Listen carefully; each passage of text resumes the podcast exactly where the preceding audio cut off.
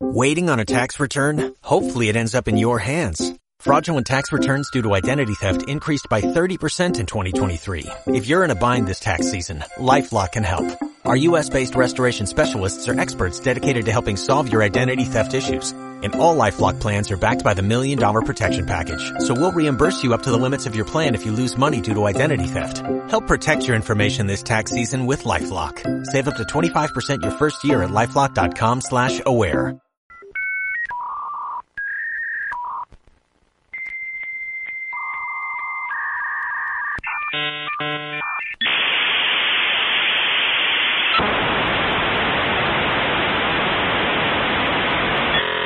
Radio Campus Cultura e presenta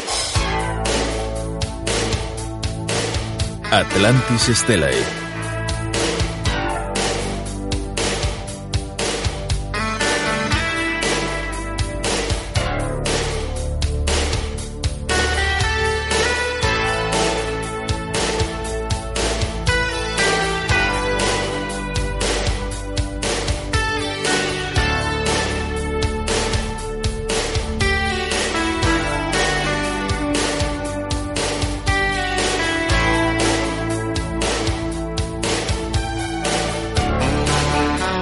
Cando pasan uns minutiños das 12 da noite arranca este Atlantis Estela, eh? Pasan uns minutos da hora máis meiga do ano, porque estamos a día 23, 24 xa de xuño do 2018, noite de San Xoán, e vimos máxicos, vimos todos moi máxicos porque hoxe Outro día comentábame un familiar que se a noite do 5 de xaneiro era a noite máis máxica do ano para os nenos, eh, pois pode que o 23 ou 24 de xuño teña un certo toque máis máxico para os adultos, un certo toque un tanto máis eh, como dicilo, axúdame rapaces, así tribal. Tribal, sí. Sí.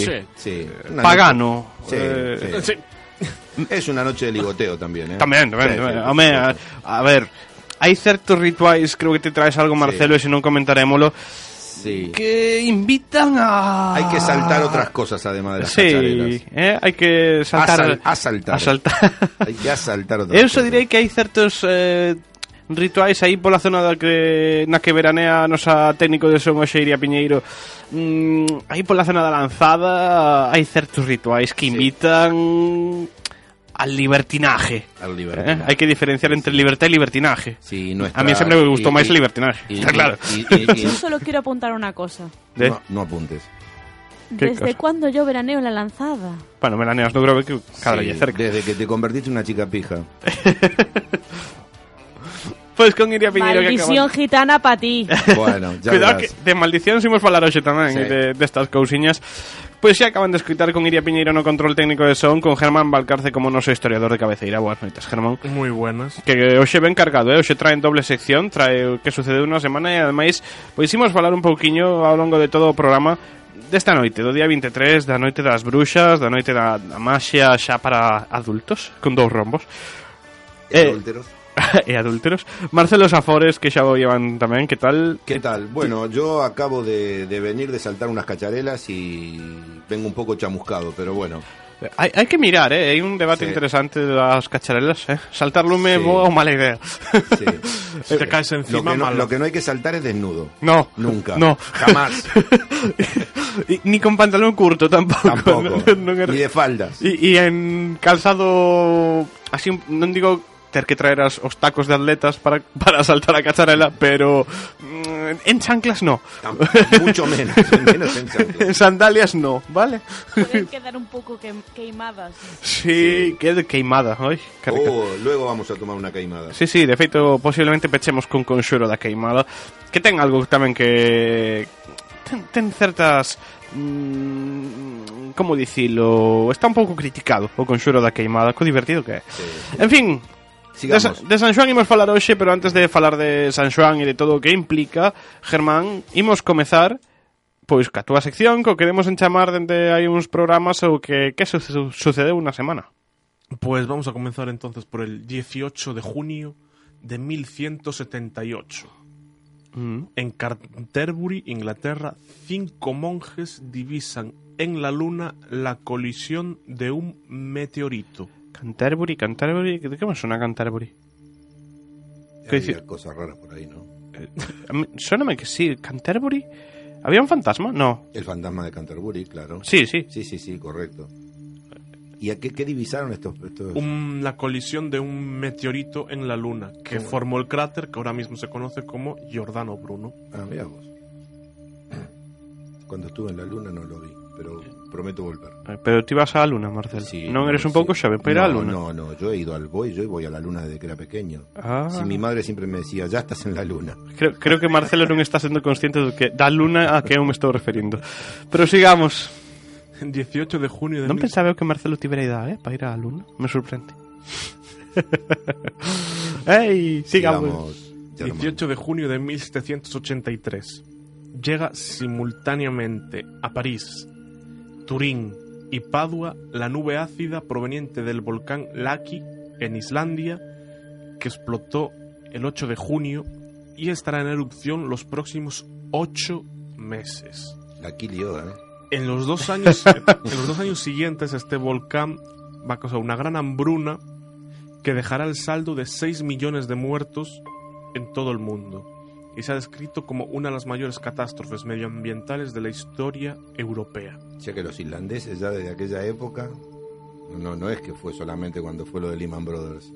O sea, ya, Eh, no, no, no, ya ya ya. habían empezado con las cosas raras desde esa época. Que conste que Islandia e erupcións de volcáns eh, teñen a súa... Hace, hace un par de años. Sí, no, Tú 2016 tiveron... Islandia es un volcán, claro. Sí, claro. Sí, están justo en medio de la cordillera. Un saúdo ao noso compañeiro Ismael Romariz que este verán marcha de vacacións a Islandia en Sí, agosto. y un saludo a mi amigo Gunnar Gunnarsson, que también es irlandés. Esperemos que no les pille El toro. Pois non sei, eh, porque aquí o señor Romariz moi dado ás aventuras vai facer a, ou quería facer o percorrido que se fai en Viaje al centro de la Tierra, que como sabedes empeza Sí. o, o descenso fais en a fano a través dun volcán que está en, en Islandia. Igual que no pruebe por la duda. Que no le va a ir tan bien como a Julio Verne. Vamos a seguir el 18 de junio de 1815. En la batalla de Waterloo, las tropas napoleónicas son derrotadas, por lo que Napoleón Bonaparte tiene que renunciar al trono por segunda vez. Dimitió. Lo dimitieron. Lo dimitieron. Cambiamos de día. cambiemos. 19 de junio de 1846. En Nueva Jersey se juega el primer partido de béisbol. A- Alguén entende o béisbol? ¿Eh? Alguén entende o béisbol? No. No, ni idea. Yo sé que corren todos como energúmenos detrás de una pelota que le pega a uno con un palo. Y, y nada. Ya. Y ya. Quero dicir, mm, a min escápaseme. No, non son... Es una cosa muy fácil. Son unos cuantos chicos pegándole a balones, o sea, pelotas, con palos y Sí. corriendo para hacer un home run. Ajá. ¿Y qué es un no? ¿Y qué es un home run? ¿Un bucaque? ¿Eh? Si muchos chicos se corren pe- en Basta, no, no, no, no, no, no, no, no, Bueno, no, no, no, no, no, no, no, Esta no, no, no, no, no, no, ¿eh? no, no, no. Sigamos, Germán, por favor. Esta chica tiene idea. Non se fija. censura en Radio Campus Cultura e hagas que te chame Siria Piñeiro Verde. Sigamos. 19 de junio de 1867. En Querato, en México, Mm. el emperador Maximiliano I es fusilado. Uh. ¿Qué hizo? No se sabe. Le querían quitar de en medio e dixeron, como facían en Roma? Así, me vale. Perdón, ¿cómo vas a fusilar en Roma? Bueno, improvisaron el sistema. Claro. Les pillaron a base, sabes? Bueno, allí se los cargaban. Pues bueno, podemos facer o mismo. Ah, Hai eh, eh, precedente que lo permite. Efectivamente. Pero sigamos. 19 de junio de 1978. En Estados Unidos nace la tira cómica de Garfield. ¿De mil? De Garfield. 978. Ah, 1978. Garfield es tan, tan nuevo, ¿es? Novísimo. Sí, 1978 o 1878. 1978. Leva comendo lasaña desde 1978. Pensé se que nota. Garfield era mucho más viejo. Bueno, Home, aparentar aparenta máis, pero... no, me parecía que era una- un cómic de esto de mucho más edad. Pero bueno, sigamos. Bienvenido, Garfield.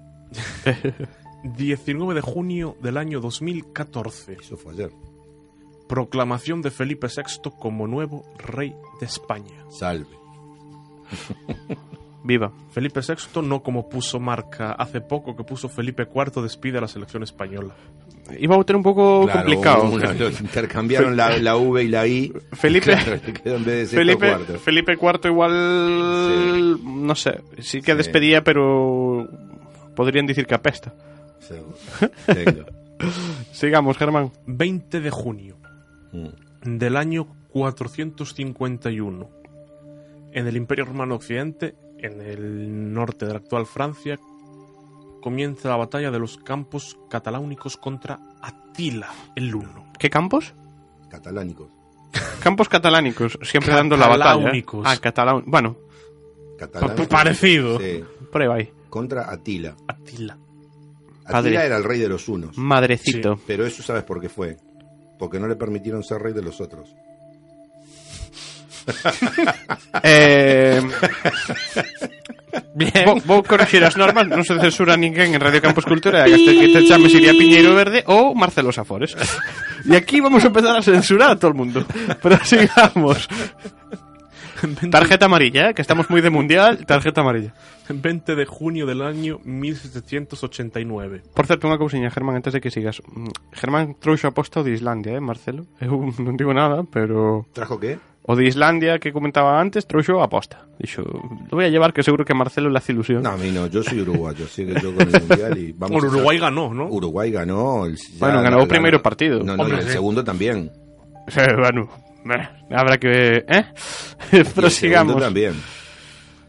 20 de, eh, pues 20 de junio de 1789. Ujú. Se presenta en Versalles el compromiso juramento del juego de pelota por el cual los diputados del tercer estado se comprometen a no separarse hasta obtener una nueva constitución. Juramento del juego de pelota. Sí. O sea, para romper las pelotas, sino el juramento. E, e, e, e eu recordo que hai nada coñecíamos que comentaba Germán que era o aniversario do, da creación do béisbol, juego de pelota, pues nada, de pelotas vamos. Sí. Sí, hoy es el día de la pelota. Pues 20 de junio de 1837. En Londres, Alejandrina Victoria es coronada reina del Reino Unido y de Irlanda, Estaba sen nome, eh? con el nombre de Victoria I.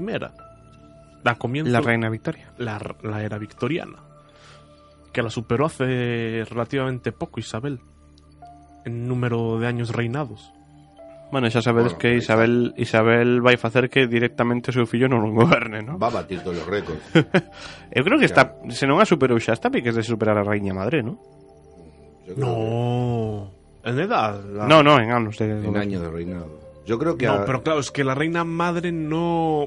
El que gobernaba era el. El padre. El, el padre, o sea, en cuanto el padre muere, a esta la reina, reina, madre ya no gobierna. a esta reina no la sucede ni el hijo ni los nietos, los bisnietos la van a suceder. Yo creo que me convenció de que cuando muera. Falaban de que Isabel la Católica tenía carácter, está... Está visto que non poder ser reina chamarte Isabel. Esta carácter no sé si tiene, pero sombrero es una buena colección. Pero el, el marido, el duque de Edimburgo, es mayor que ella, ¿eh? Y ahí sigue también. Sí, sí, sí, el viejo está dando la guerra también. Prosigamos, Germán. 20 de junio de 1961. En Argentina, ¿Mm? el guerrillero y médico Ernesto Che Guevara, que era ministro de Industria en Cuba, visita al presidente Arturo Frondizi. Pobre Frondizi. Frondizi foi antes da segunda volta de Perón, ¿no? Claro, sí, Frondizi fue mucho antes de la segunda vuelta, pero en 1961, Perón volvió en 1973. Ah, vale, sí. Non estaba facendo 12 mal. años todavía. Pero Frondizi, Frondizi foi un que non se enterou nin que era presidente da República? No, ese era Ilia, Ah, vale. ese era el cordobés. que le hacían un periódico con las noticias, todo lo- un periódico aparte, con buenas noticias, porque claro, el tipo decía, tráiganme la prensa. Entonces le llevaban un periódico con portadas con buenas noticias. Bueno, outros dedicanse a ler o marca. En fin, sigamos.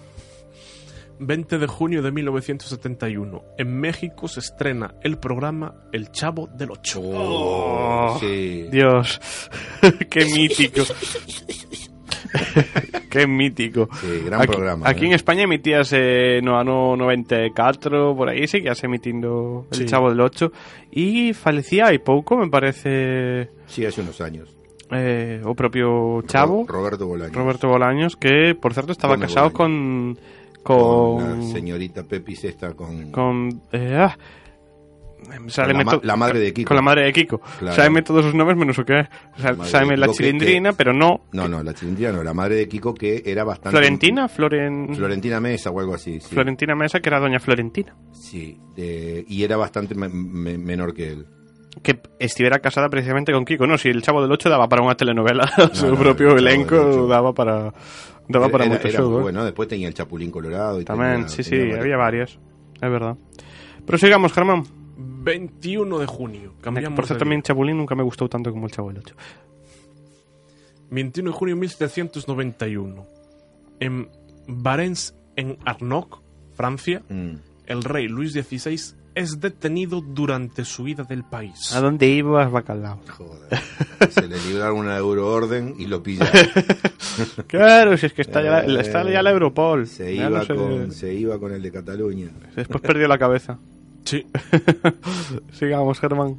21 de junio de 1940, en el marco de la Segunda Guerra Mundial, Francia se rinde a Alemania. Bueno, se rinde, ya estaba rendida. Bueno, sí, la rindieron. Eh, también. Sigamos, Germán.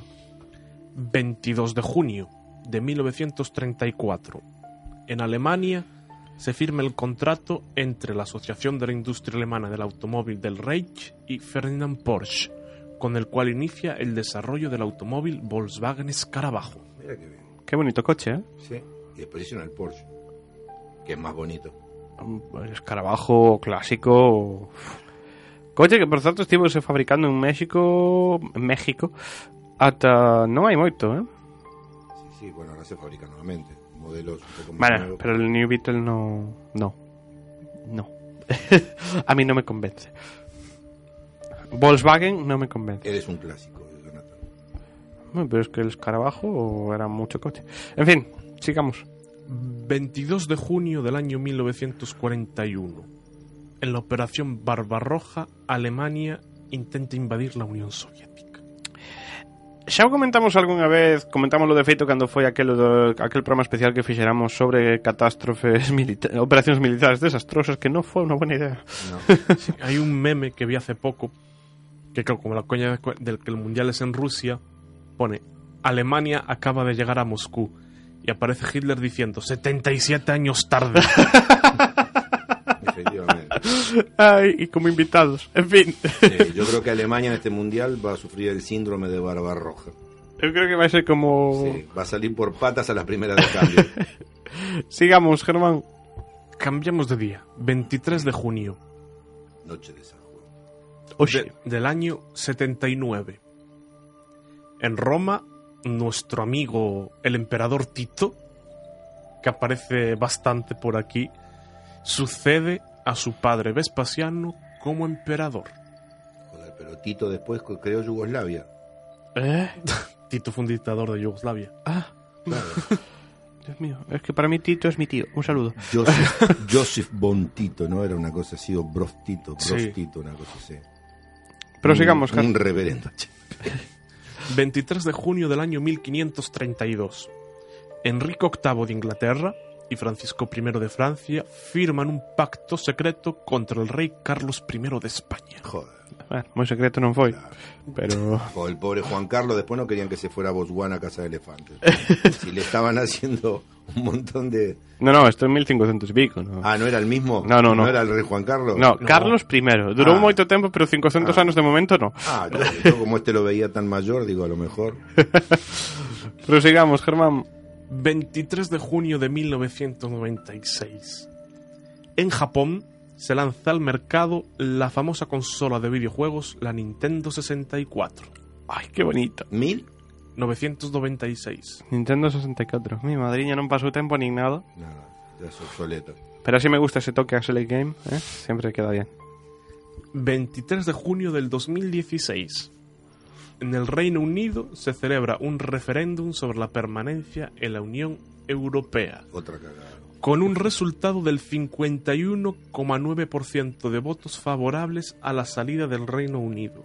Iníciase o Hay, Brexit. hay un 1,9% de británicos que los está buscando el otro 5,49% para cortarle la pelota. Moi axustado, sí que é verdade. Ah. E, bueno, moita xente, moitos analistas din que posiblemente sexa o fin da Unión Europea. Prosigamos, Germán. Eso da para un debate largo y tendido. Venga, Sí, no e, debatamos. e non estamos capacitados. No, no debatamos. 24 de junio del año 1128. En Portugal, Alfonso Enríquez derrota a su madre y a sus partidarios gallegos, la Casa de Traba, en la batalla de San Mamede y se hace con el gobierno, con lo que se produce la independencia de facto de Portugal.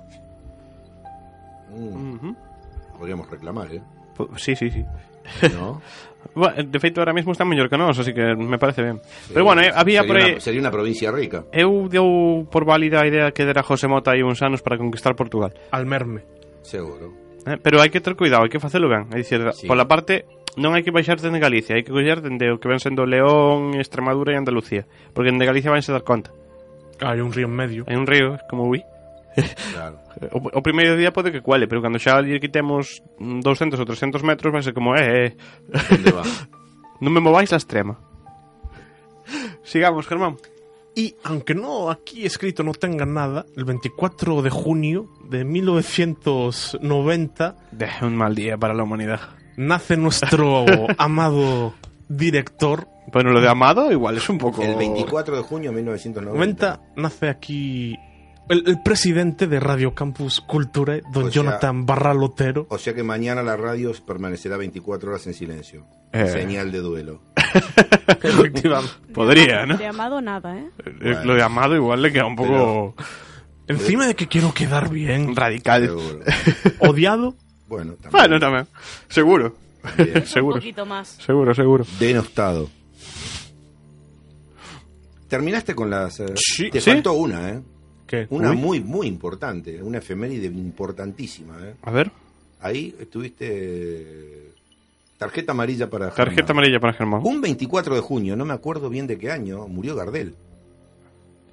Es verdad. ¿Es verdad o no es verdad? Correcto. un accidente de avión. un ¿no? accidente de avión en Medellín. No me acuerdo en qué año. 1900. 1900. Eh, Daniel Reilo, podes chamar a Radio Campus Cultural, por favor, Sí. e comunicarnos Sí, cando faleceu Gardel. Sí, sí. Eso podemos, se queres, incluso podemos iniciar aquí un debate en directo de mm, cierto o no al pasaporte de Uruguay. Sí, sí, sí. sí, sí, el Eso se 20. comprueba. Eso se compró inmediatamente. El 24 de junio de 1900. Eu creo que era 42. No, ¿No? no, no, no, no, no, mucho antes. Antes Non de- empezar a Segunda Guerra Ah, Mundial no, todavía? no, antes, antes del 30, ¿eh? Pois pode ser, Por ahí, ¿eh? pode ser. Sí, sí, sí. Pois, pois senón que nos chame Daniel e que nos lo conte Que el fixera un programa de feito Cando estivo aquí en Tangos de la Esquina Sur Fixera un programa sobre Carlos Gardel E de feito aí, eh, por lo que comento Ese famoso pasaporte Marcelo 1935. En un 1900. accidente en el aeropuerto de las playas de Medellín, Colombia, chocan dos aviones en la pista y fallece el cantante de tangos Carlos Gardel. Claro. Ti crees que ese pasaporte é real ou non, Marcelo? ¿Cuál? O que se garda nun museo en Uruguai Que afirma Eh, que Gardel era... A ver, eh, Gardel hay muchas, hay muchas versiones. Una, Gardel básicamente, yo estoy convencido que era francés, que había nacido en Francia. Lo que ocurre es que él después opta por la, una nacionalidad, o la uruguaya o la argentina en su momento, para eh, no hacer el servicio militar. Porque si Gardel hubiera hecho el servicio militar, lo hubiesen mandado a la Primera Guerra Mundial. Pode ser Correcto. Entonces, para escaquearse eso, él cambia de nacionalidad. Ahora, lo que no queda claro es eh, si adopta la nacionalidad uruguaya o la argentina. Pero Gardel nació en Francia, eso está claro. Pois con Gardel, se vos parece, chegamos a esta primeira pausa de Sí. Atlantis Estela e non teñamos preparado, ves? Teñamos que ter preparado un tango de Gardel para facerse Sí. aquí un alto Sí. no, no camiño. Pero non, imos saudar a uns compañeros do programa e voltamos de contado xa co contido máis pesado do programa de hoxe Pesado non porque vai a ser incómodo, senón porque, pois é, a parte importante do programa de hoxe falando de San Xoán, de onde ven, a onde vai e por que se celebra Acabamos el primer tiempo con dos tarjetas amarillas. Sí, de momento yo me voy sin nada Sí. Publi. A ti, a ti te sale roja. Chao, chao, chao, chao Publi.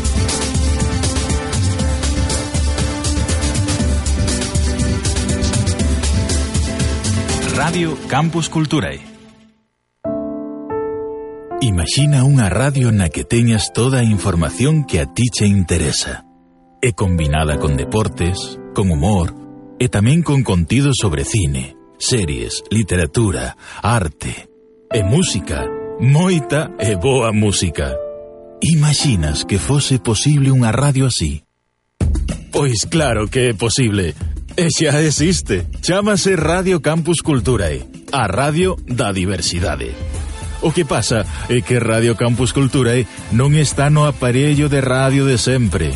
Sintoniza Radio Campus Culturae na web www.radiocampusculturae.org ou a través de aplicacións como TuneIn en dispositivos móviles e tabletas. Seguro que atopas ese programa que estabas a buscar, Eh, e senón, tamén te podes unir a nós e colaborar na creación de novos contidos. Radio Campus Cultura está sempre aberta a participación de todas e todos. Radio Campus Culturae, a radio da diversidade. Mario Bros, Stadium, Pokémon, Tetris, Crash Bandicoot, Tekken 3, FIFA, GTA Imperium. E ti xogas. Os martes, ás 8 da tarde, Radio Campus Cultura viaxa ate o mundo virtual. Novos títulos, consolas, accesorios, curiosidades, crítica, entrevistas e sports. Select Game, o espazo de tecnoloxía e entretemento de Radio Campus Cultura. A Radio da Diversidade. Uh, noite de San Juan, noite de enamorar. Uh, noite de San Juan, noite de enamorar. Pois como ben di Marcelo, dicíamos ao principio do programa Noite de San Xoán, Noite de Enamorar Empezamos a saber, Germán eh, Aquí nunha especie de sección mixta, vale?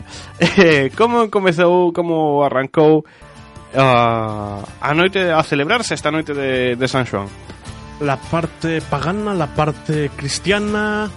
Eh, Rapidito y al pie, por favor A ver, la normalmente, por la información que te buscan, lo, lo pagano siempre fue un, un culto al sol. O sea, el Ujú. último día en el que hay más sol se celebra el solsticio de, de verano. Y el cristianismo, como siempre, llegó para hacer de las suyas y dijo, culto al sol, el sol, nada, fuera solsticio. Decimos que sea San Juan y que nació San Juan Bautista el 24, para así que haya seis meses justos hasta el nacimiento de Cristo. Eh, Bien ¿Por qué? Porque quieren, ya está.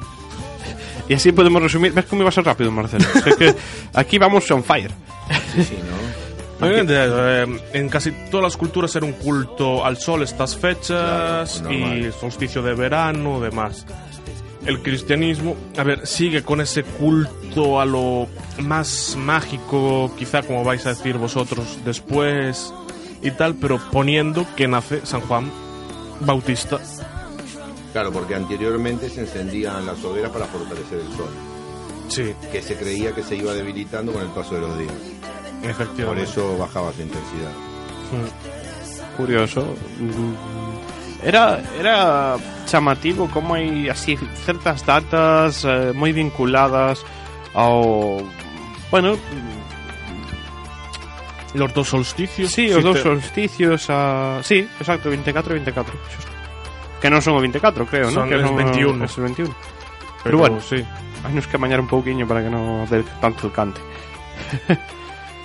Pois, eh, non sei, Marcelo, se queres ir tamén es comenzando ti a contarnos un pouco que traías Eh, preparado. Ya, ya- ya te- acabaste con. Eh, él acabó rapidísimo, Pero, sí, pero este hombre. No, va rapidísimo. Es un. ¿Cómo que se llama esto? Precoz.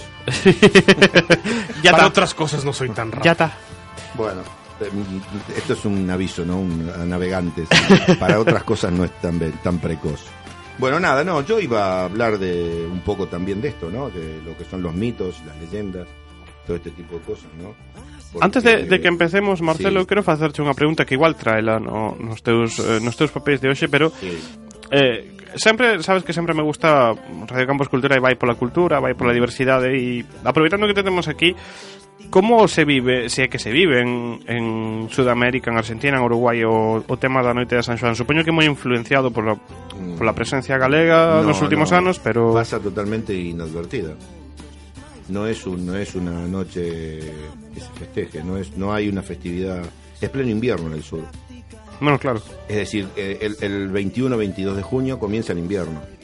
O sea, es el día más corto, seguramente. Entón non se ve para nada, non No hai- non é unha festa que, por No. exemplo, a inmigración pudera traer porque eu supoño que o ambiente non invita a No, facer nada que se básicamente, pareza. A ver, a lo mejor dentro de los ámbitos culturales así más cerrados, como puede ser los clubes de, de las comunidades gallegas, que los hay, hay un centro gallego, hay un centro asturiano, hay comunidades diferentes, digamos, de, de- de la migración que se han ido estableciendo allí, se celebre algo, pero yo no recuerdo ni en Argentina ni en Uruguay eh, haber celebrado una noche como esta. Lo que sí se, por ejemplo, se hace es el 24 de diciembre, que se quema el Judas, que es ¿Mm? una eh, noche un poco parecida. ¿Sabes lo que es el Judas? Eh, no. El Judas es un muñeco de trapo que fabrican los niños durante, después del 8 de diciembre. ¿Y qué hacen los niños? Lo fabrican un muñeco de trapo de diferentes tamaños y lo ponen y con ese muñeco piden como una especie de limosna, ponen una lata y la gente les va dando eh, dinerillos. Entonces lo que se hace es luego ese, ese muñeco de trapo se rellena con petardos y la noche del 24 del 24 de diciembre se, se prende fuego. Es la, digamos, se llama quemar el Judas. Es una fiesta un poco, pero bueno, es más de los niños. Pero no, no, 24 de junio, no, el 24 de junio te vuelvo a repetir. Hay dos cosas que son muy importantes en Argentina, 24 de junio. Una que murió Gardel y otra que ganaron el Mundial de Fútbol en Ah. 1978. También ese día ganaron... La mano de. No, no, no, No, eso eso fue fue en el 86. 86. No, no, el 78 fue eh, el Mundial de la Dictadura, digamos, ¿no? Que mientras se estaba celebrando la Copa del Mundo se estaba tirando gente al mar. Pero bueno, ese es otro para otro programa. Eh, yo nada, yo lo que era un poco hablar también de, de- del ritual más popular que consiste en saltar por encima de la hoguera, ¿no? Según la leyenda, el fuego protegerá a todo aquel que tenga valor de atravesar las llamas. O sea, tenés que tener primero la valentía de quemarte, chamuscarte, ¿no? Algunos pelos de las piernas y otras zonas. Entonces, si eres capaz de eso, el fuego te va, te va a proteger. Y después hay una cosa que es importante, que es el número de veces que hay que saltar, que varía según la zona. Suelen ser entre 7 y 9 veces. O tres. El truco está en que el número tiene que ser impar, Sí, el número de saltos. siempre. un número par. Y hasta las cenizas tienen propiedades curativas para la piel. Eso dicho, sí, es verdad. Sí, eso es lo que dicen siempre los que se caen. y se levantan de allí y dicen, no, no es que fue aposta porque eran porque quería que las cenizas me curaran la piel. Mentira. Eu non sei se vos, bueno, Marcelo xa supoño que non, pero non sei se Iria, se Germán, pois teñen recordos de máis, máis que nada as nosas aboas, ¿no? De preparar as, as ervas de San Xoán, de preparar a... Eso sí, eso, ese tipo de ritual me gusta. A mí el rollo de saltar por encima del fuego es como que me da un poco de... No, no, no lo entiendo mucho. O sea, hombre, si pusieras un fuego simbólico para hacer una cosa simbólica, sí. Pero esto de A ver, armar a una idea- fogata de que a idea las origi- llamas tienen cuatro metros A ver, vouche contar un secreto. la gente borracha saltando a por ahí idea, arriba. a idea no. original era saltar. Marcelo, yo te voy a contar, porque a mí hubo un año Mm, en el que yo me negué a saltar la cacharela. Decidí que no quería saltarla. Bueno, pues una persona aquí presente. Sí, el que Y estoy hablando, el 24 no, no, no, No, estoy no, no, hablando no, de no. Germán. Ah, oh, ¡Yo! Sí, sí, sí, roja. tú no te Sí, sí, acuerdas, sí, pero yo sí, sí. sí. Y el padre de otra persona aquí presen- presente, véase, Jonathan Barral, Sí, me agarraron por los brazos y por las piernas y me, pas- me pasaron 21 veces por encima de la, de la cacharela. Bueno, fueron como si eh, fueras un pollo que lo Sí. están cocinando al pie. A la silla de la reina. Es verdad. Germán, es verdad. tarjeta roja, Germán, ¿eh? No me acuerdo Dos yo Es verdad, partidos na miña casa, sí, sí, que é Yo me verdad. acuerdo perfectamente. Pobre Sí, que es verdad. Si a eso lo hacen con una chica indefensa. Uy, sí. Bueno, indefensa iría. indefensa, indefensa. Bueno, en fin. Sí. Eh, Me pero imagino, patalearía como un Eh, gorrino. Eu vouche contar, eu vouche contar un segredo, Sí, Marcelo. dime. Nun primeiro momento, efectivamente, o lume era simbólico. Claro. Que pasa? Que aquí sempre se di este de que os vascos e os navarros son brutos, pero uns cardan, cardan a lana e outros levan a fama. Sabes? E aquí en Galicia empezou a... em, xa sabes, cuestión de hombres, a ver quen la tiene máis grande Seguro. e a ver quen la salta máis grande. Y claro, Sí. eso acabó provocando problemas. problemas, efectivamente. A ver, yo por eso insisto, eh, yo ja- jamás me- me- voy a la festividad, me gusta verlo y todo, he sacado fotos, nunca hice, nunca salté ni hice ninguna tontería de esas. Prefiero tirarme en picado como los clavadistas mexicanos antes que, que caerme de, de- de culo arriba de una cosa esa de fuego y chamuscarme todo. Me parece una tontería, pero bueno, me encanta ver la gente que lo hace. Lo que pasa es que normalmente a la hora que se hace eso, la gente ya está un poco Sí, Cocida. ida de, Eh, sí, de sí. licor café y otras me- Bueno, licor café queimado. también Eh, pero bueno entonces después claro dicen por ejemplo que el agua que es símbolo de pureza y fertilidad juega también un papel fundamental porque se dice que hay que, ba- hay que bañarse en el mar la noche de San Juan Desnudos. que garantiza la salud para todo el año Y la fecundidad. Exactamente y hay que meterse desnudo efectivamente y de espaldas mirando a la luna Sí, sí. sumergirse 12 veces seguidas bueno, Sí, sí. manda huevos 12 o 9. Bueno, Y 12. pe- ch- si se saltan nueve olas de espalda, Eso aumenta la fertilidad. Y si son siete olas, las en- energías negativas se irán. Esta. A ver, isto é o que eu comentaba antes. Quero dicir, e, de feito esta, este ritual é máis ben, o sea, eu sempre lembro o matiz de teñen que ser as ondas da lanzada. Bueno. É a lanzada en Galicia o lugar máis mm, digamos, vinculado a este, a este ritual de saltar as ondas para que, sobre todo, as mulleres que queiran, desexen quedarse, quedarse embarazadas. Por eso dicía eu antes que, bueno, claro, un íspese para saltar as ondas e acaba saltando outras cosas. de- después hay una cosa que es muy importante. Menos mal que estamos xa fora do horario cuidado- infantil protegido. Cuidado con este rito, ¿eh? Esto aviso a navegantes también. Y a oyentes. Y oyentas. como ahora que está de moda esto de ley y las... Oyentes. Y oyentas. Porque las mujeres que oyen son las oyentas. Pero entón os homes terían que ser oyentos. Bueno, ben, en fin, sigamos. Si lo que buscas es encontrar el amor de tu vida, atención, chicas y chicos, enciende dos velas rojas en el dormitorio, atención Iria, y en un papel escribes tu nombre y el de la persona a la que quieres Marcelo, atraer a tus brazos. Marcelo. No vayas a escribir mi nombre, ¿eh? No, pero es que yo tengo un problema. Yo ya tengo el amor de mi vida. Bueno, pero puedes tener uno en el que ten a banquillo. Suriel y botado a seu lado. Puedes tener uno en el banquillo por las dudas. Yo tengo aquí a Suri Escucha. y luego el amor de mi vida es mi yegua. Y ya está. Buah. Yo pensé que ibas a decir el potrillo este que tengo a mi izquierda. pero Sigamos. En un papel escribes tu nombre y el de la otra persona a la que quieres atraer a tus brazos. Después pones, en un caso con agua, tres partes de verbena. Tres de ¿Verbena? lavanda. Sí, verbena. Que é a verbena? Be- Debe ser algún yuyo. Non sei, para mí a verbena é que a teño que ir a buscar a Lito ou da Panorama ou algo Tres, así. tres de mil en rama. Una parte de jengibre y 12 pétalos de rosa roja. Esto parece un gin tonic de, estos de, Sí, de los modernos. de los modernos del Atlántico. Gracias Atlántico por invitarnos a un gin tonic cuando vayamos por allí por esta publicidad encubierta que estamos haciendo. Después hay que dejarlo cocer hasta que entre en ebullición. Y aquí donde empiezan las cosas de brujería, ¿no? Usa la cera de las velas para sellar el papel y guárdalo todo debajo de la almohada. Los entendidos dicen que verás en sueños tu futuro sentimental. Y también hay que poner algo de muérdago bajo la almohada antes de dormir, porque podría ser outra forma de hacer tus deseos realidad. Que vinculado está sempre esa, o acibro en galego ao... Probamos. Así eh... que ya, ya, ya veis como como viene como viene la cosa. ¿no? Hai, hai unha gran cantidade de rituais eh, vinculados sempre á noite de, de San Xoán. Eu lembro outro tamén que consiste en deixar un ovo fora e que despois a... Fo... Un huevo fuera. De, del... de, Galí... de galiña. ah, de galiña. A ver, aclara, Jonathan. Eh, é que non sei, claro, isto todos estos rituais sabíaos máis ben a miña abuela que mm, que bueno, era bastante coñecedora, ¿no? deste tipo de rituais.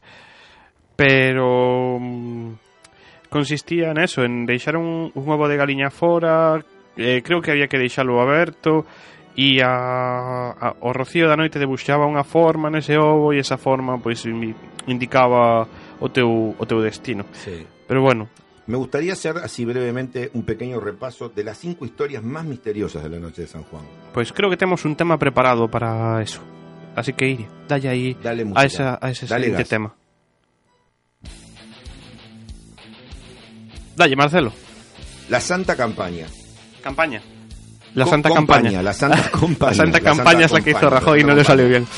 Dice que es una antigua leyenda de Galicia en donde dicen que para la noche de San Juan, la Santa Compaña, una procesión, se aparece en los cruces de caminos para pedir el alma de quien pronto dejará el mundo de los vivos. Bueno, Cuidado. Tú vas por allí, se te aparece la Santa Compañía, te señala con el dedo y te dice, tú, Tú. baby.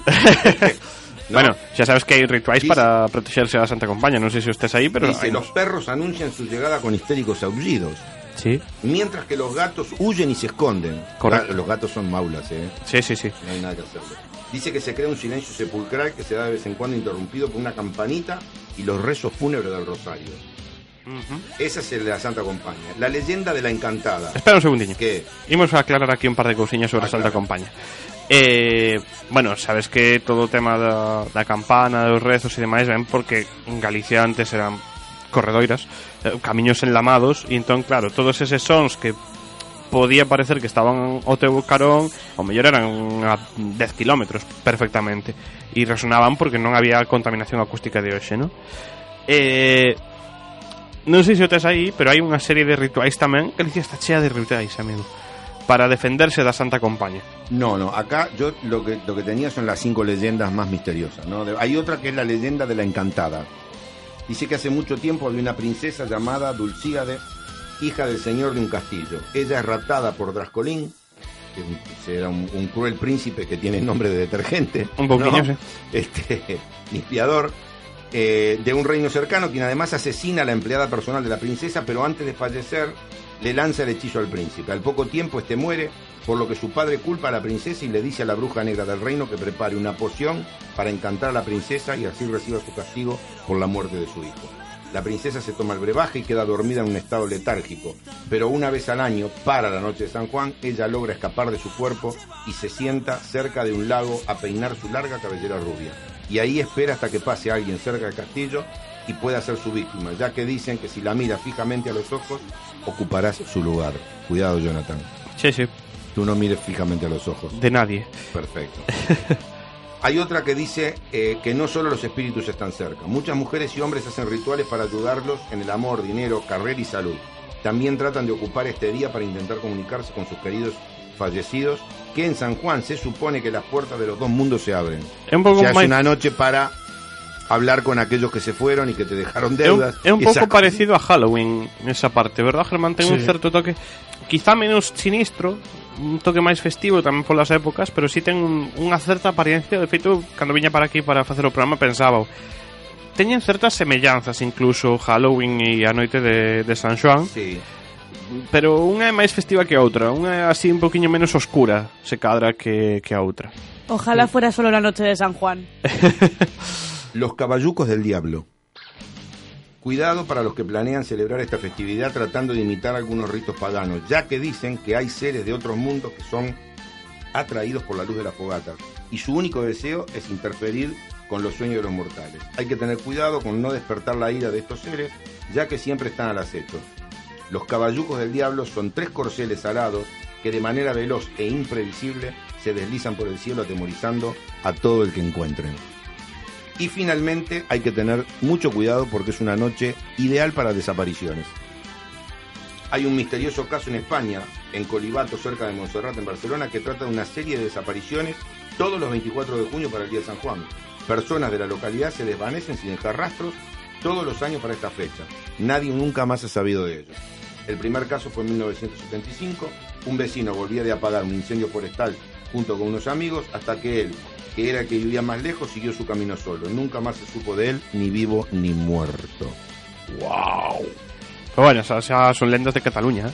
Cataluña, por certo, que tamén está moi vinculada a, a San Xoán Ten así un... El, é a noite das hogueiras, de feito, na, Sí, está la canción de Serrat.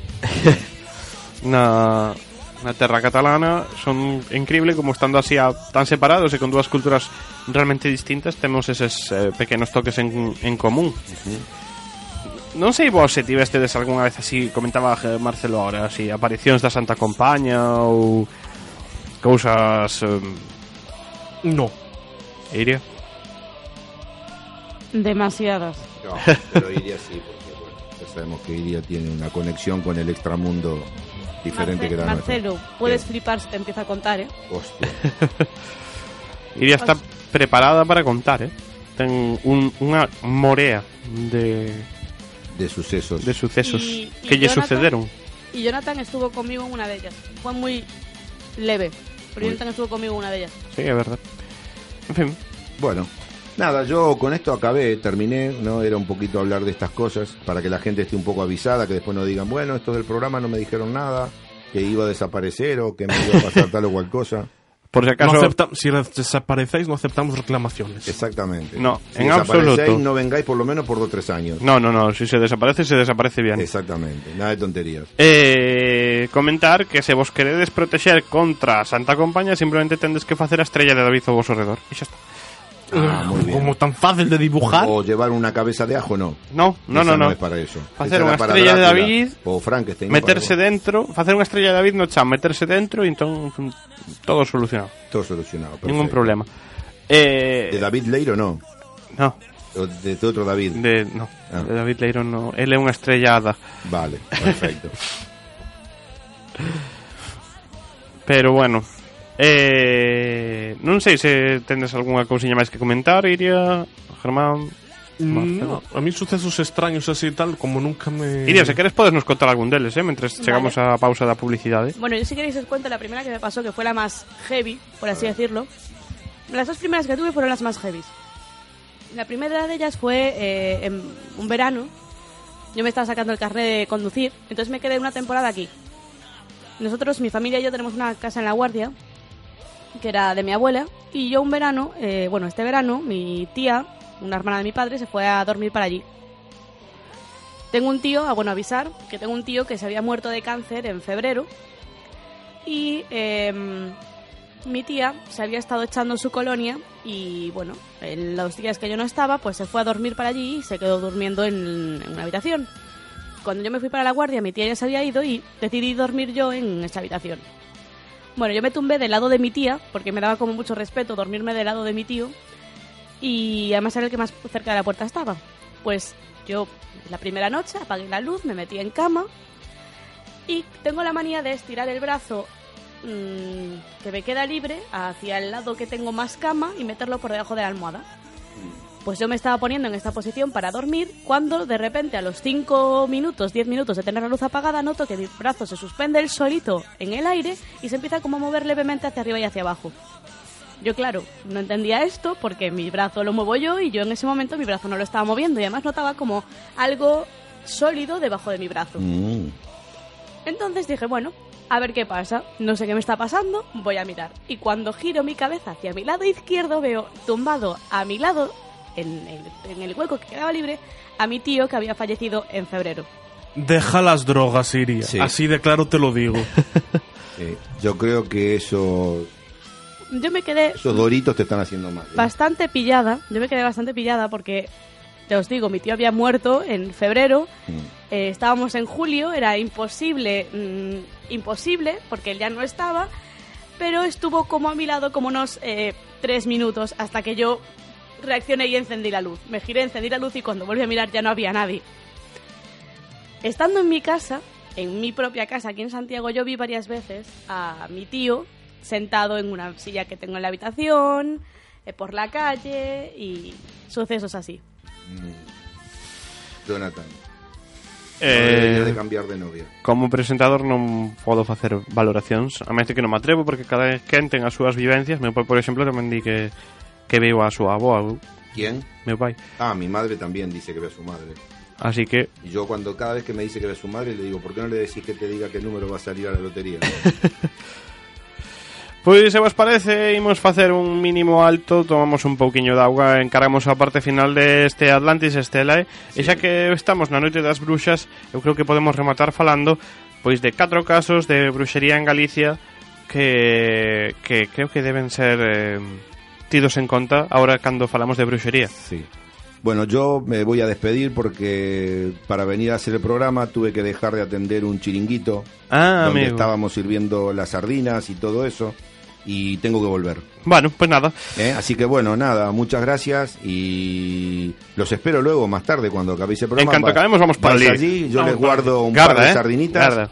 ¿Eh? E unha taciña de viño que vai y un baixa- poco de, de brebajes ahí para... Perfecto. ¿De acuerdo? Pois veña, Venga, facemos un mínimo alto e os voltamos de contado.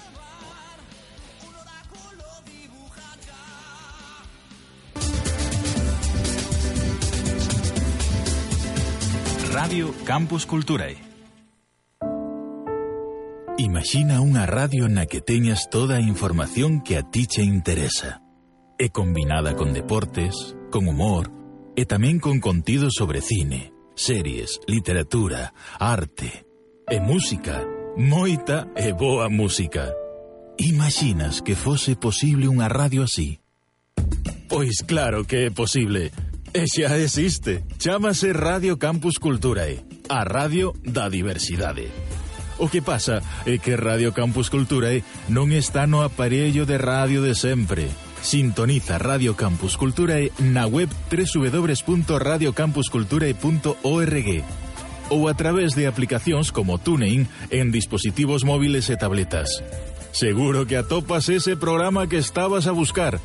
E se non, tamén te podes unir a nós e colaborar na creación de novos contidos. Radio Campus Cultura está sempre aberta a participación de todas e todos. Radio Campus Culturae, a radio da diversidade. Pokémon Mario Bros, Stadium, Pokémon, Tetris, Crash Bandicoot, Tekken 3, FIFA, GTA Imperium. E ti xogas. Os martes, ás 8 da tarde, Radio Campus Cultura viaxa até o mundo virtual. Novos títulos, consolas, accesorios, curiosidades, crítica, entrevistas, eSports, eSports. Select Game, o espazo de tecnoloxía e entretemento de Radio Campus Cultura. A Radio da Diversidade.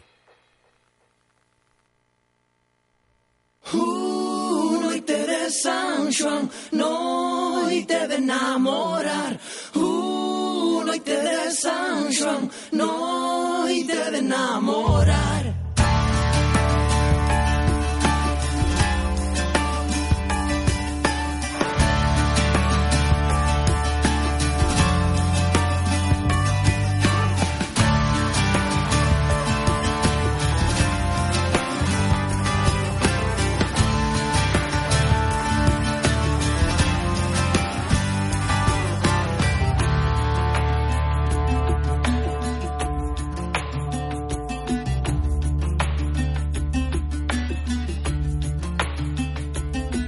ten unha clara, clara noite Noitiña de San Juan Poñendo as frescas, frescas ervas Na fonte a serear. Tan bonita estabas, tan bonita estabas Tal rosa no rosal De orballo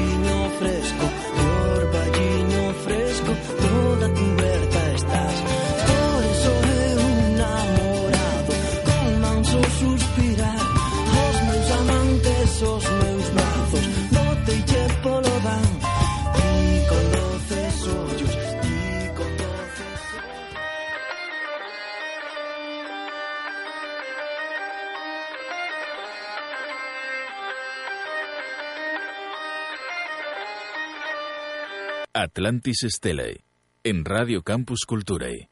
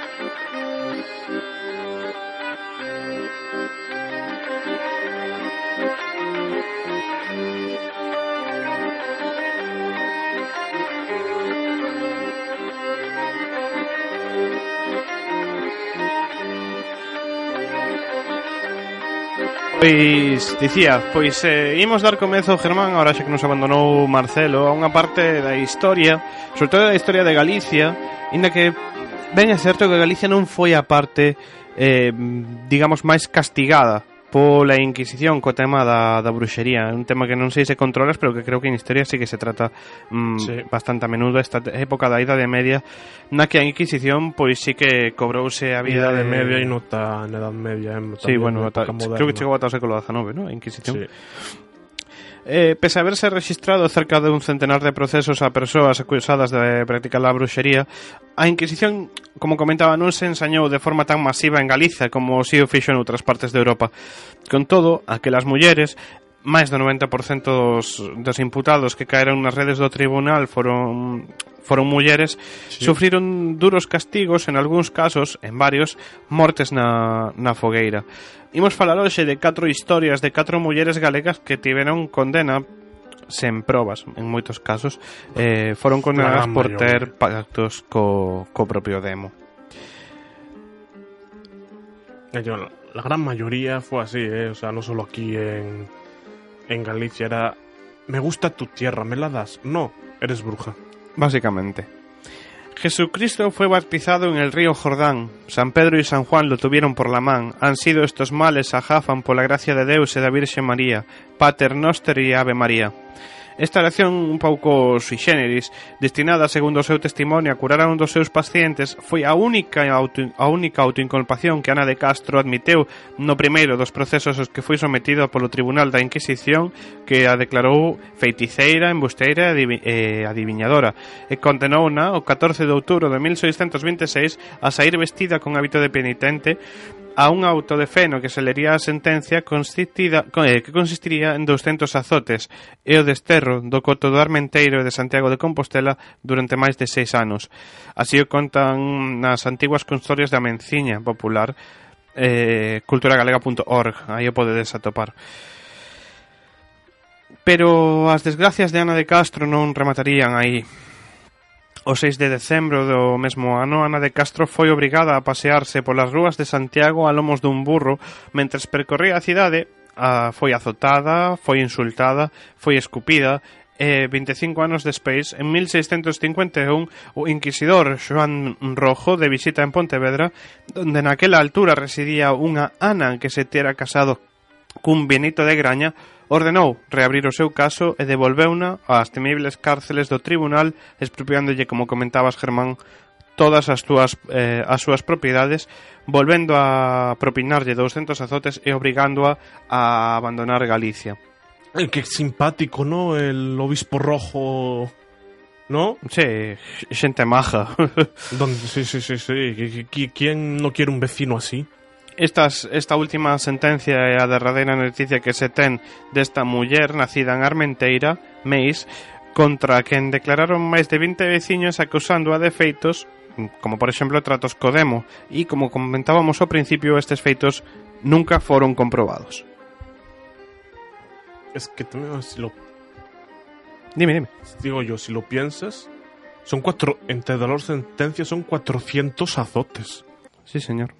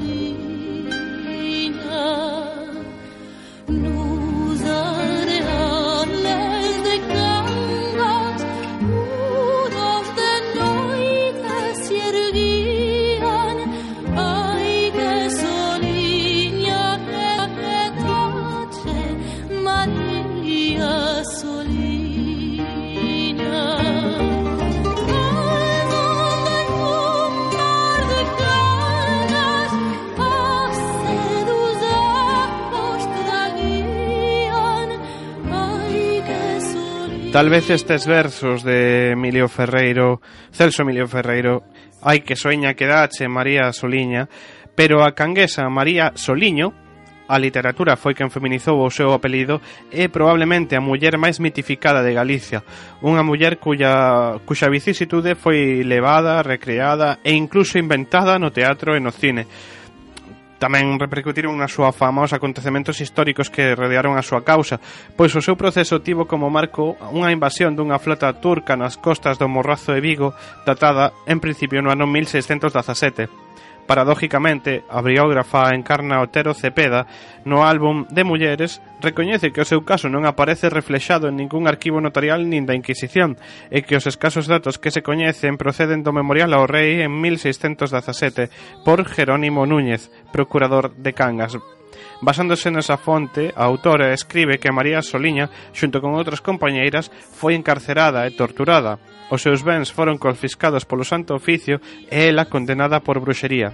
Pero o certo é que neste caso ela nunca foi condenada viva, senón que foi condenada Bueno, perdón, senón que a loucura, a fame e a miseria foron as que acabaron ca súa vida, igual que a condena a que foi sometida.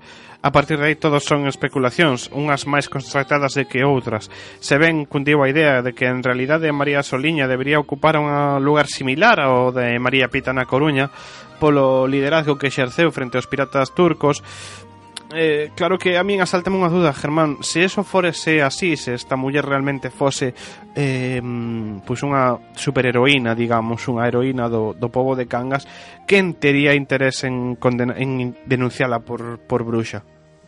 Alguén, pues el alguien de turno que no le interesaría que al que otra persona se llevase el mérito de proteger a Cangas de la invasión.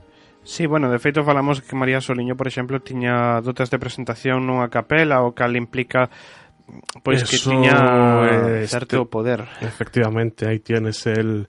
Porque no tanto. Al tener esa dote de representación, no, tan, no es tanto por el, la defensa de Kanga, sino eh, es eso lo, lo que interesa y quiero yo. Así que te lo. Sí, pero yo he defendido Kangas de los turcos. Me la suda. Eso es lo que quiero. Vente pa' aquí.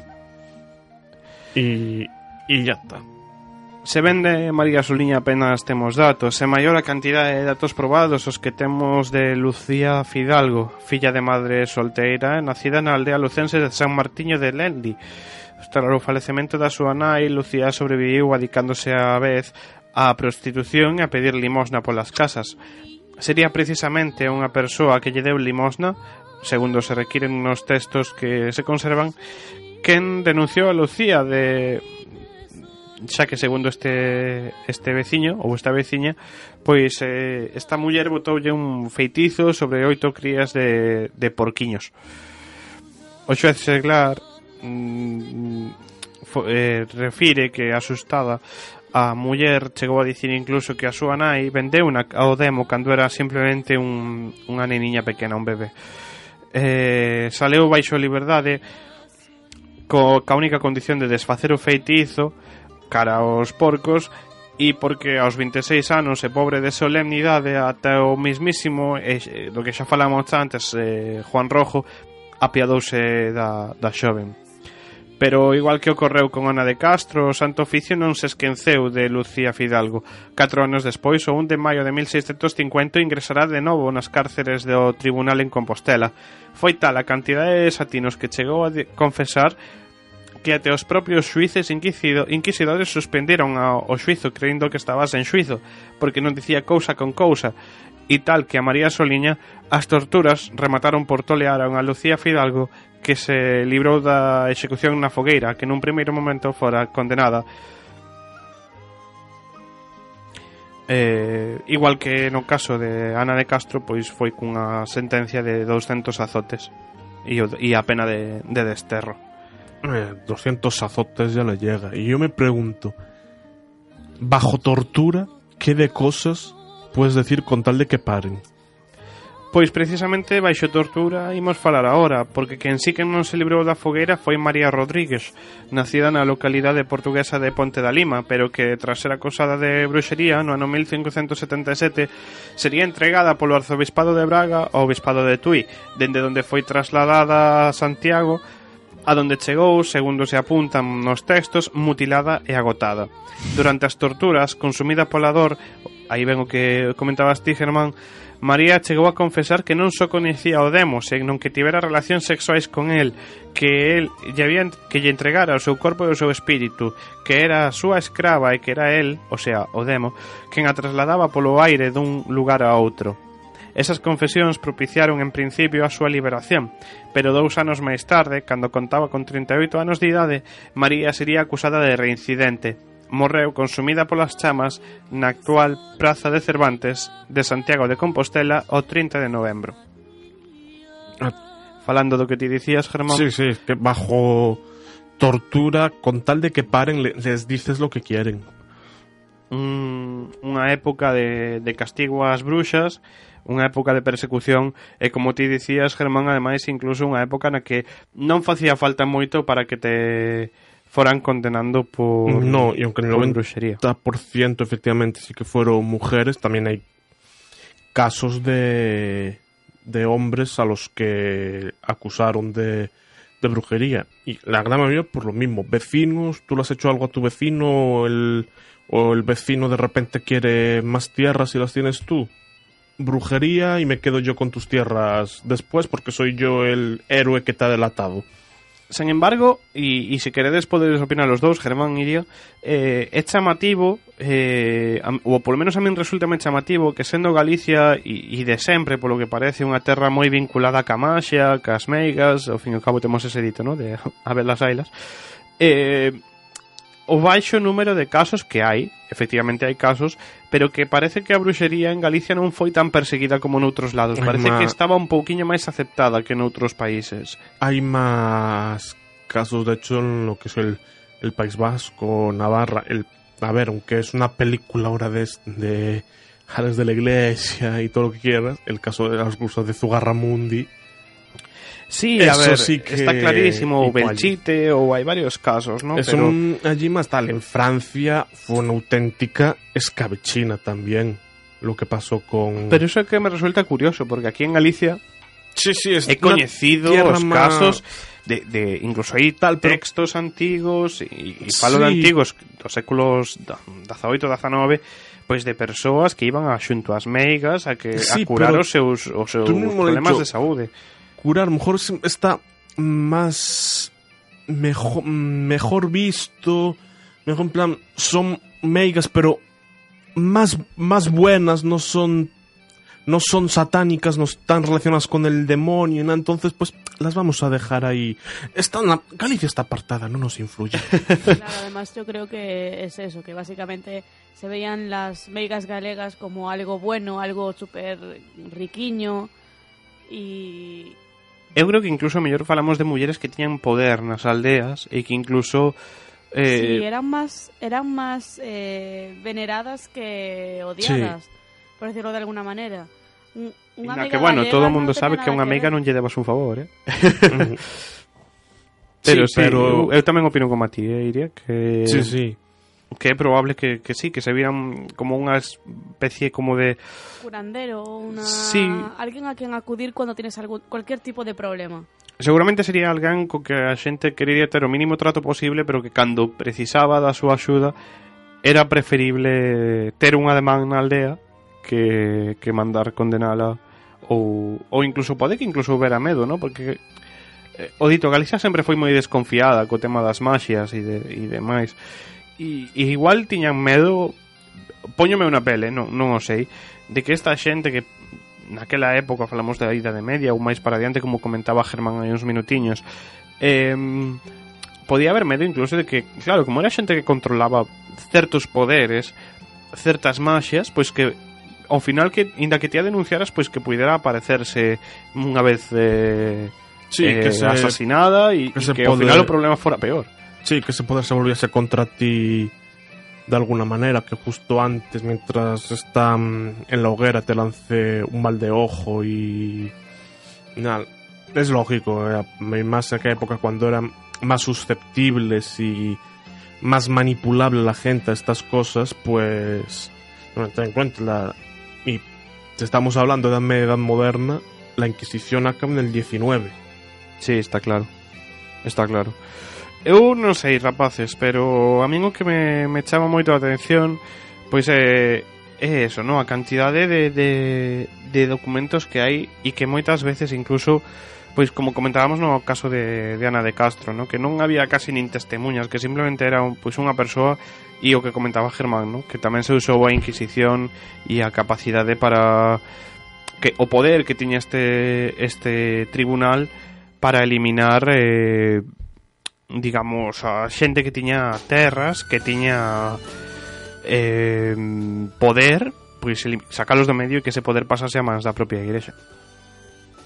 Sí, es lo que todas las propiedades o, o bien pasaban a manos de la iglesia o bien pasaban a manos del tipo que denuncia. O sea, y la, la iglesia, a ver, también te encuentras pues la cantidad de, de tierras que tuvo que abandonar por la desamortización. ¿De dónde crees que venía la mayoría? Bueno, que che parece se quedamos cun tema antes de despedir o programa? E eu imagínome esta canción de Carlos Núñez ben podía ser María Soliña, que, por certo, unha cousa que non comentei antes, foi xulgada porque dicían que baixaba á praia todas as noites e baixaba o que facía era ir rezar ao mar que se levara os seus, o seu marido e o seu fillo naquela batalla contra contra os turcos. Quedamos con este tema nestes últimos minutiños de Atlantis Estela e voltamos despois para despedir.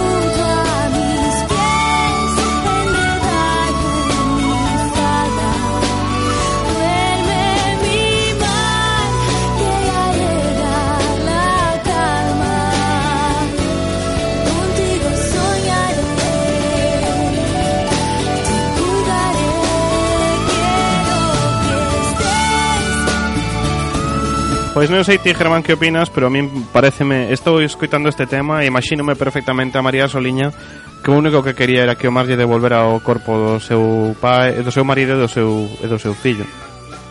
Te, te traslada aí a, a outros momentos e, e demás.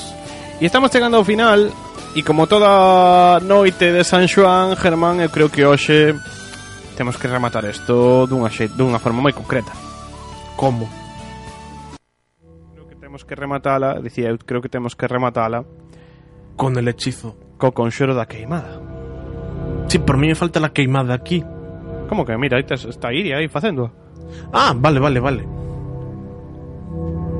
Pero hai que bebérsela toda, eh. Sí, sí, toda, toda. Tira. Imos escutar o conxuro e despois falamos do conxuro xa para rematar este Atlantis Estela da ¿eh? noite de San Xoán.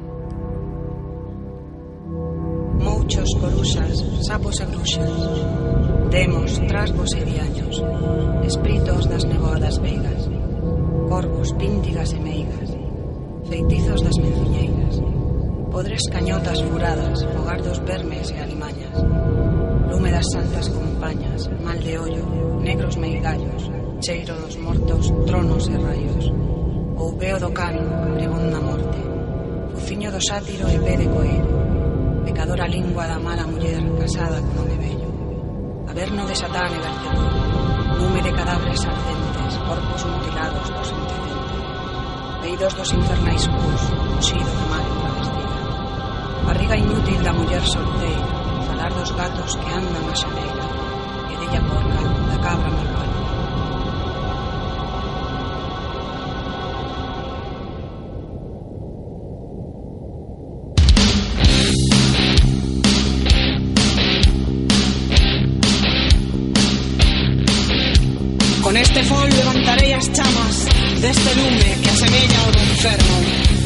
Os as blusas e acabarán das súas escobas. Índose bañar na praia das áreas gordas. Oíde, oíde ruxidos que dan as que non poden deixar de queimarse na aguardente Quedando así purificadas. E cando este brebaxe baixe polas nosas bolsas Quedaremos libres dos males da nosa alma E de todo endulzamento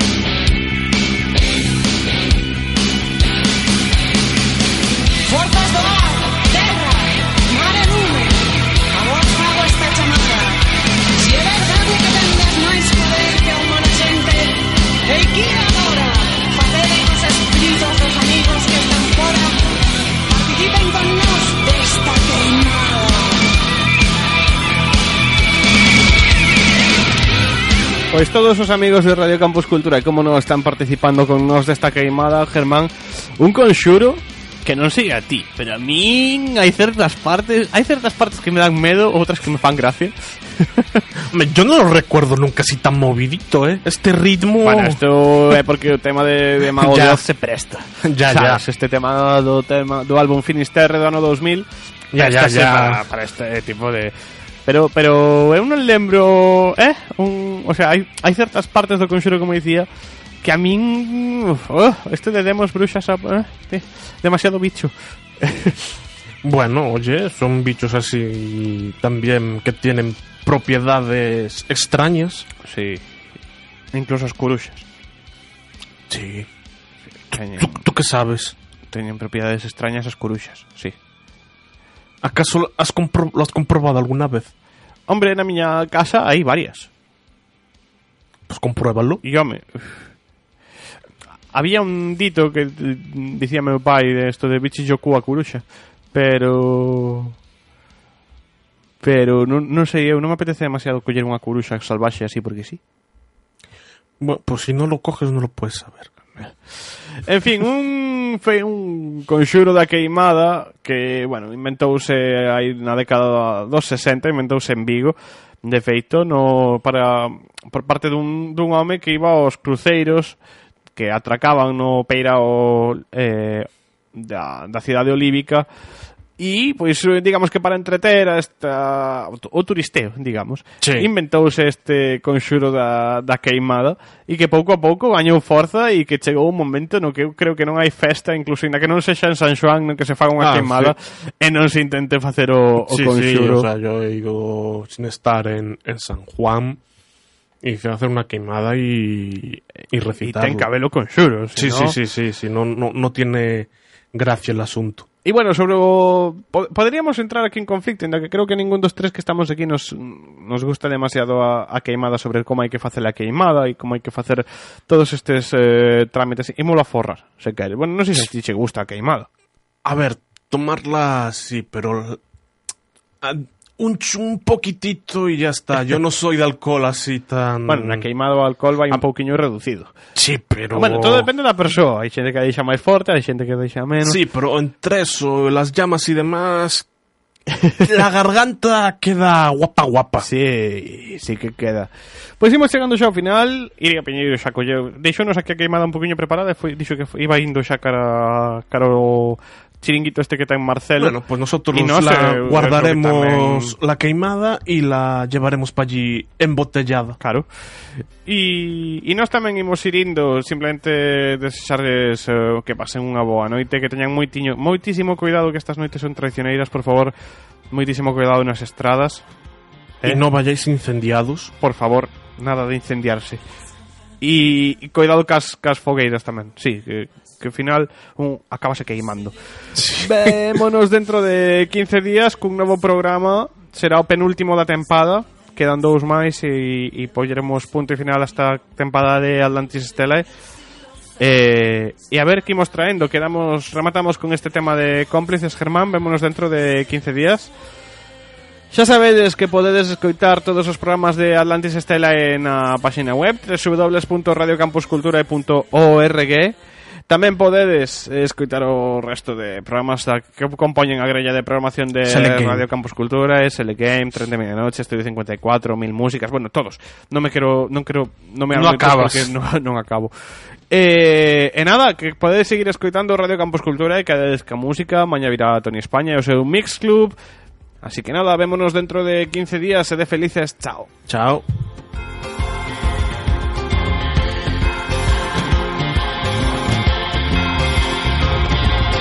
Las campanas de Santiago ya no quieren más llorar y se llenan de luciérnagas en una noche de San Juan. Una despedida inesperada y el amor se terminó. Los demonios y los ángeles mandan en el corazón. El amor se va, se nos fue. Algo que falló, yo que sé, cosas de Mérida. ¿Yo qué puedo hacer contra el destino si el destino decidió un traguito de buen vino mi razón?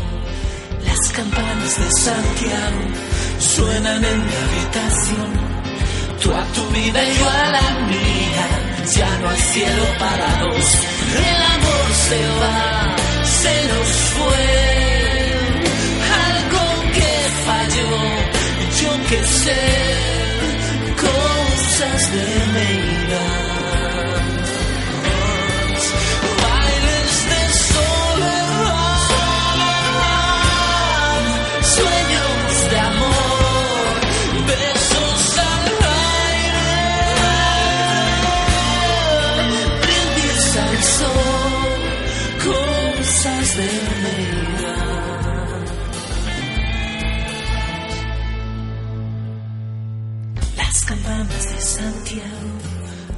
Quieren más llorar y se llenan de luciérnagas en la noche de San Juan.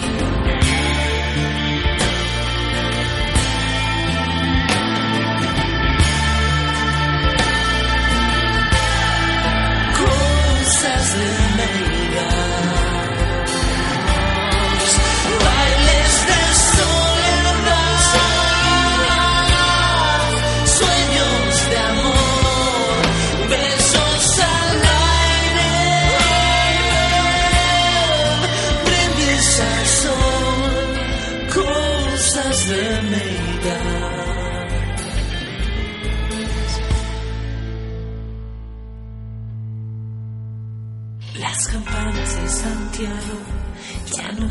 Más llorar y se llenan de luciérnagas en la noche de San Juan, en la noche de San Juan, en la noche de San Juan.